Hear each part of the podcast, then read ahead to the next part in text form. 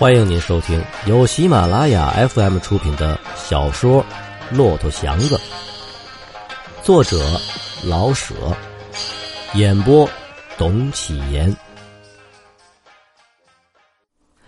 崭新黑漆的车，把头折了一段，秃茬茬的露着两块白木茬非常的不调和，难看，像糊好的漂亮纸人儿。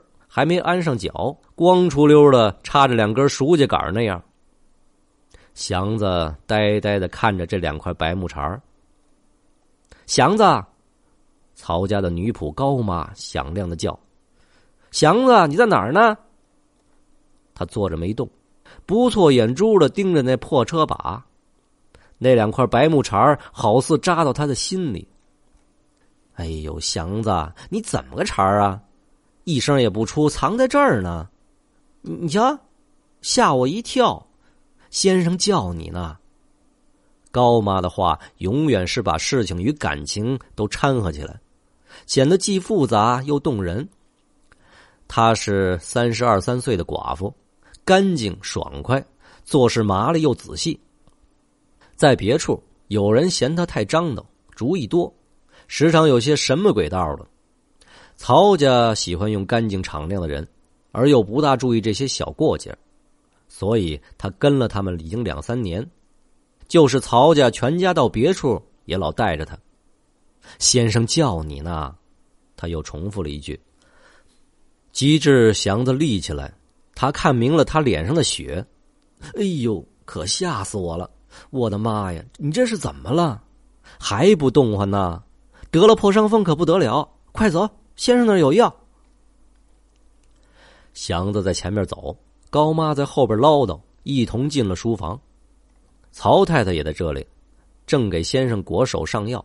见祥子进来，他也哟了一声：“哎呦，太太，他这下子可是摔得够瞧的。”曹妈唯恐太太看不出来，忙着往脸盆里倒凉水，更忙着说话：“哎，我早就知道。”他一跑起来就不顾命啊，早晚得出点岔你看见没？果不其然，还不快洗洗啊！洗完了好上点药啊！你看，祥子拖着右肘不动。书房里是那么干净雅趣，立着他这么个满脸血的大汉，非常的不像样大家似乎也觉出了什么地方不对，连高妈也没了话。先生。祥子低着头，声音很低，可是很有力。先先生另找人吧，这个月的工钱你留着收拾车吧。车把断了，左边的灯碎了块玻璃，别别处倒还好好的呢。哎，先洗洗，上点药，再说别的。曹先生看着自己的手说：“太太正给慢慢的往上缠纱布。”哎，先洗洗吧。曹妈又想起话来。先生并没说什么呀，你先别倒打一瓦。祥子还没动，不用洗，一会儿就好。一个拉包月的，摔了人，碰了车，没脸。他的话不够帮助说完全了他的意思，可是他的感情已经发泄尽了，只差着放声哭了。此事儿让工钱，在祥子看就差不多等于自杀了。可是责任脸面在这时候似乎比命还重要，因为摔的不是别人，而是曹先生。假若他把那位杨太太摔了，摔了也就摔了，活该。对杨太太，他可以拿出街面上的蛮横劲儿，因为他不拿他当人，他也不便客气。钱是一切，说不着什么脸面，哪叫规矩？而曹先生根本不是那样的人。他得牺牲了钱，好保住脸面。他顾不得恨谁，只能恨自己的命。他差不多想到，从曹家出去，他就永不再拉车。自己的命即使不值钱，可以拼上；人家的命呢？真要摔死一口子怎么办呢？以前他没想到过这个，因为这次是把曹先生摔伤，所以悟过这个理儿来。好吧，工钱可以不要。从此改行，不再干这背着人命的事儿。拉车是他理想的职业，搁下这个就等于放弃了希望。他觉得他的一生就得窝窝囊囊的混过去了，连成个好拉车的也不用再想，空长了那么大的身量。在外面拉散座的时候，他曾毫不客气的抢买卖，被人嘲骂。可是这样的不要脸，正是因为自己要强，想买上车呀，他可以原谅自己。而拉包月惹了祸，自己有什么可说的呢？祥子没了出路，他不能等曹先生辞他，只好自己先滚吧。祥子，曹先生的手艺果好，你洗洗。先不用说什么辞工，不是你的错放石头就应该放个红灯算了吧，洗洗上点药。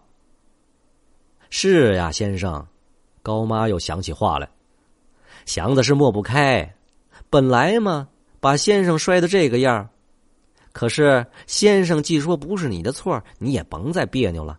瞧他这样，身大力不亏的，还和小孩一样呢，倒是真着急。太太说一句，叫他放心吧。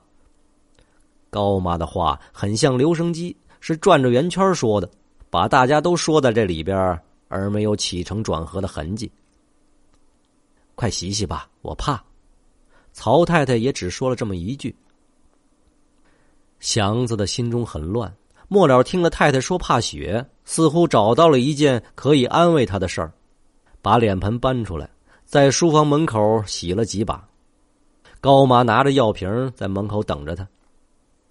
胳膊和腿上呢？高妈给他脸上涂抹了一气。祥子摇了摇头，不要紧的。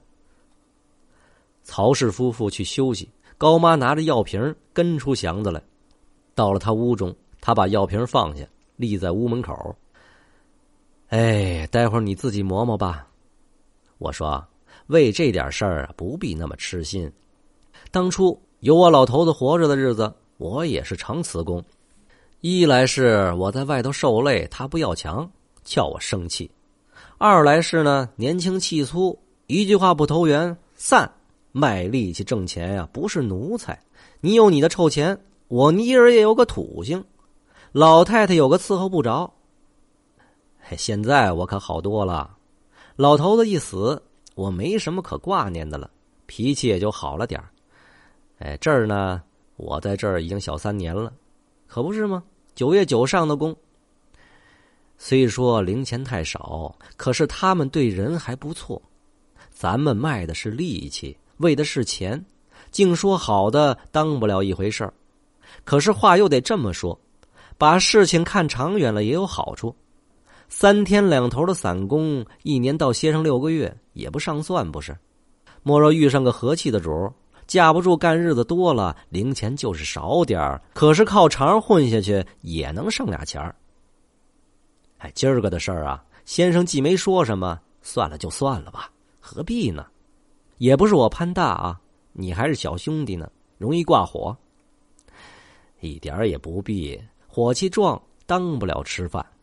像你这么老实巴交的，安安顿顿的在这混些日子，总比满天打油飞去强啊。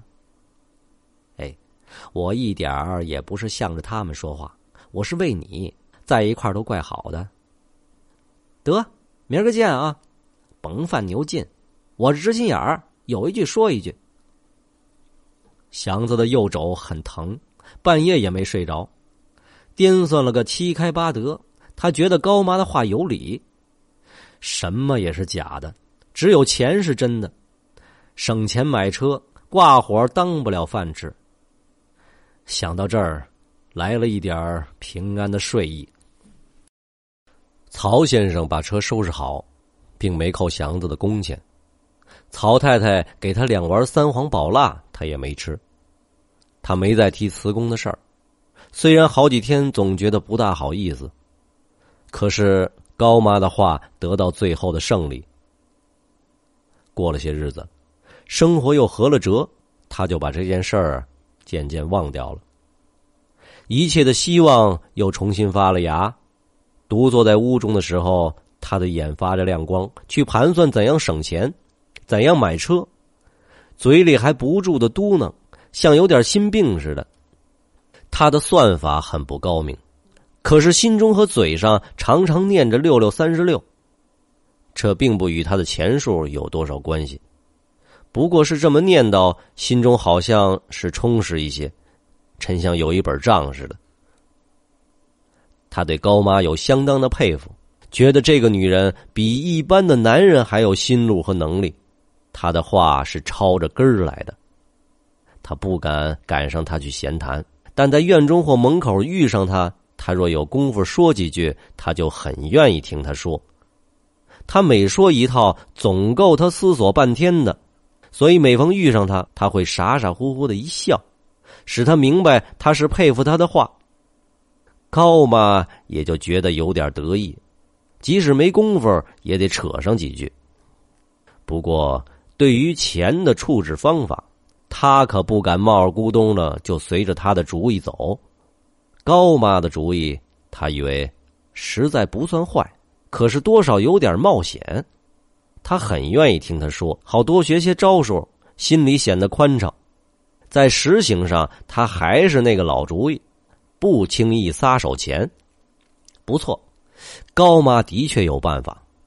自从她守了寡，她就把月间所剩下的一点钱放出去，一块也是一笔，两块也是一笔，放给做仆人的，放给二三等巡警的，放给做小买卖的，利钱至少是三分。这些人时常为一块钱急得红着眼转墨。就是有人借给他们一块，而当两块算，他们也得伸手接着。除了这样，钱就不会叫他们看见。他们所看见的钱上有毒，接过来便会抽干他们的血。但是他们还得接着。凡是能使他们缓一口气的，他们就有胆子拿过来。生命就是且缓一口气再讲，明天再说明天的。高吗。在她丈夫活着的时候，就曾经受过这个毒。她的丈夫喝醉来找她，那非有一块钱不能打发，没有，她就在宅门外醉闹。她没办法呀，不管多大的力气，也得马上借到这笔钱。由这个经验，她学来了这种方法，并不是想报复，而是想拿它当做合理的，几乎是救急的慈善事儿。有急等用钱的，有愿意借出去的，抽鱼打黄盖，愿打愿挨。在宗旨上，他既以为这没有什么下不去的地方，那么在方法上他就得厉害一点，不能拿钱打水漂，干什么说什么。这需要眼光、手段、小心和泼辣，好不至于放了鹰。他比银行经理并不少费心血。因为他需要更多的小心谨慎，资本有大小，主义也是一样的。因为这是资本主义社会，像极了一个极细极大的筛子，一点一点的从上面往下筛钱，越往下是钱越少，同时也往下筛主义，可是上下一边多，因为主义不像钱那样怕筛眼小。因为它是无形体的，随便由什么极小的孔中也能溜下来。大家都说高妈厉害，她自己也这么承认。她的厉害是由困苦中、折磨中锻炼出来的。一想起过去的苦楚，连自己的丈夫都那样的无情无义，她就咬上了牙。她可以很和气，也可以很毒辣。她知道。非如此，不能在这个世界上活着。他也劝祥子把钱放出去，完全出于善意。假若他愿意的话，他也可以帮他的忙。他说：“告诉你呀，祥子，撂在兜里一个子儿永远是一个子儿，放出去呢，钱就会下钱。没错，咱们的眼睛是干什么的呀？瞧准了再放手，不能放秃尾巴鹰。”当巡警的，到时候不给力或是不归本儿，找他的巡官去啊！一句话，他的差事就得撂下。敢打听明白他放响的日子，赌窝掏不还钱，新鲜。将一比十，放给谁，咱都得有个老底儿。好，放出去海底摸锅，那还行吗？你听我的，保准没错。祥子用不着说什么，他的神气已足以表示他很佩服高妈的话。及至独自一盘算，他觉得钱在自己手里比什么也稳当。不错，这么着是死的，钱不会下钱，可是丢不了也是真的。把这两三个月剩下的几块钱轻轻的拿出来，一块一块的翻弄。现阳是这么白亮、厚实、起眼，他更觉得万不可撒手，除非是拿去买车。个人有个人的办法，他不便全随着高妈。原先在一家姓方的家里，主人全家大小，连仆人。都在邮局有个储金折子。方太太也劝过祥子：“一块钱可以立折子，你怎么不立一个呢？”俗话说得好：“长江有日思无日，莫道无时盼有时。”年轻轻的，不趁着年轻力壮，剩下几个？一年三百六十天，不能天天是晴天大日头吧？这又不费事儿，又犒劳，又有利钱，哪时憋住还可以提点用，还要怎样方便呢？哎，去去要个单子来，你不会写，我给你填上。祥子知道他是好心，而且知道厨子王六和奶妈秦妈都有折子，他也真想试一试。可是有一天，方大小姐叫他去给放进十块钱。他细细的看了那个小折子，上面有字，有个小红印。统共，嘿，也就有一小沓手指那么沉吧。把钱交进去，人家又在折子上画了几个字，打上了个小印。他觉得这不是骗局，也得是骗局。白花花的现洋放进去，凭人家三画五画，就算完事儿了。祥子不上这个当，他怀疑方家是跟邮局这个买卖有关系，所以才这样热心给拉生意。哎，即使事实不是这样，现钱在手里到底比在小折子上强吧？强得多。折子上的钱只是几个字。对于银行银号，他知道那儿是出座的地方。假若巡警不阻止在那儿撂车的话，准能拉上买卖。至于里面是干什么的，他猜不透。不错，这里必是有很多的钱，但是为什么单到这里来鼓的钱，他不明白。他自己反正不容易与他们发生关系，那么也就不便操心去想了。城里有许多许多的事儿，他不明白。听朋友们在茶馆里议论。使他更糊涂，因为一个人一个说法，而且都说的不到家。他不愿再去听，也不愿多去想。他知道，假若去打抢的话，顶好是抢银行。既然不想去做土匪，那么自己拿着自己的钱就好了，不用管别的。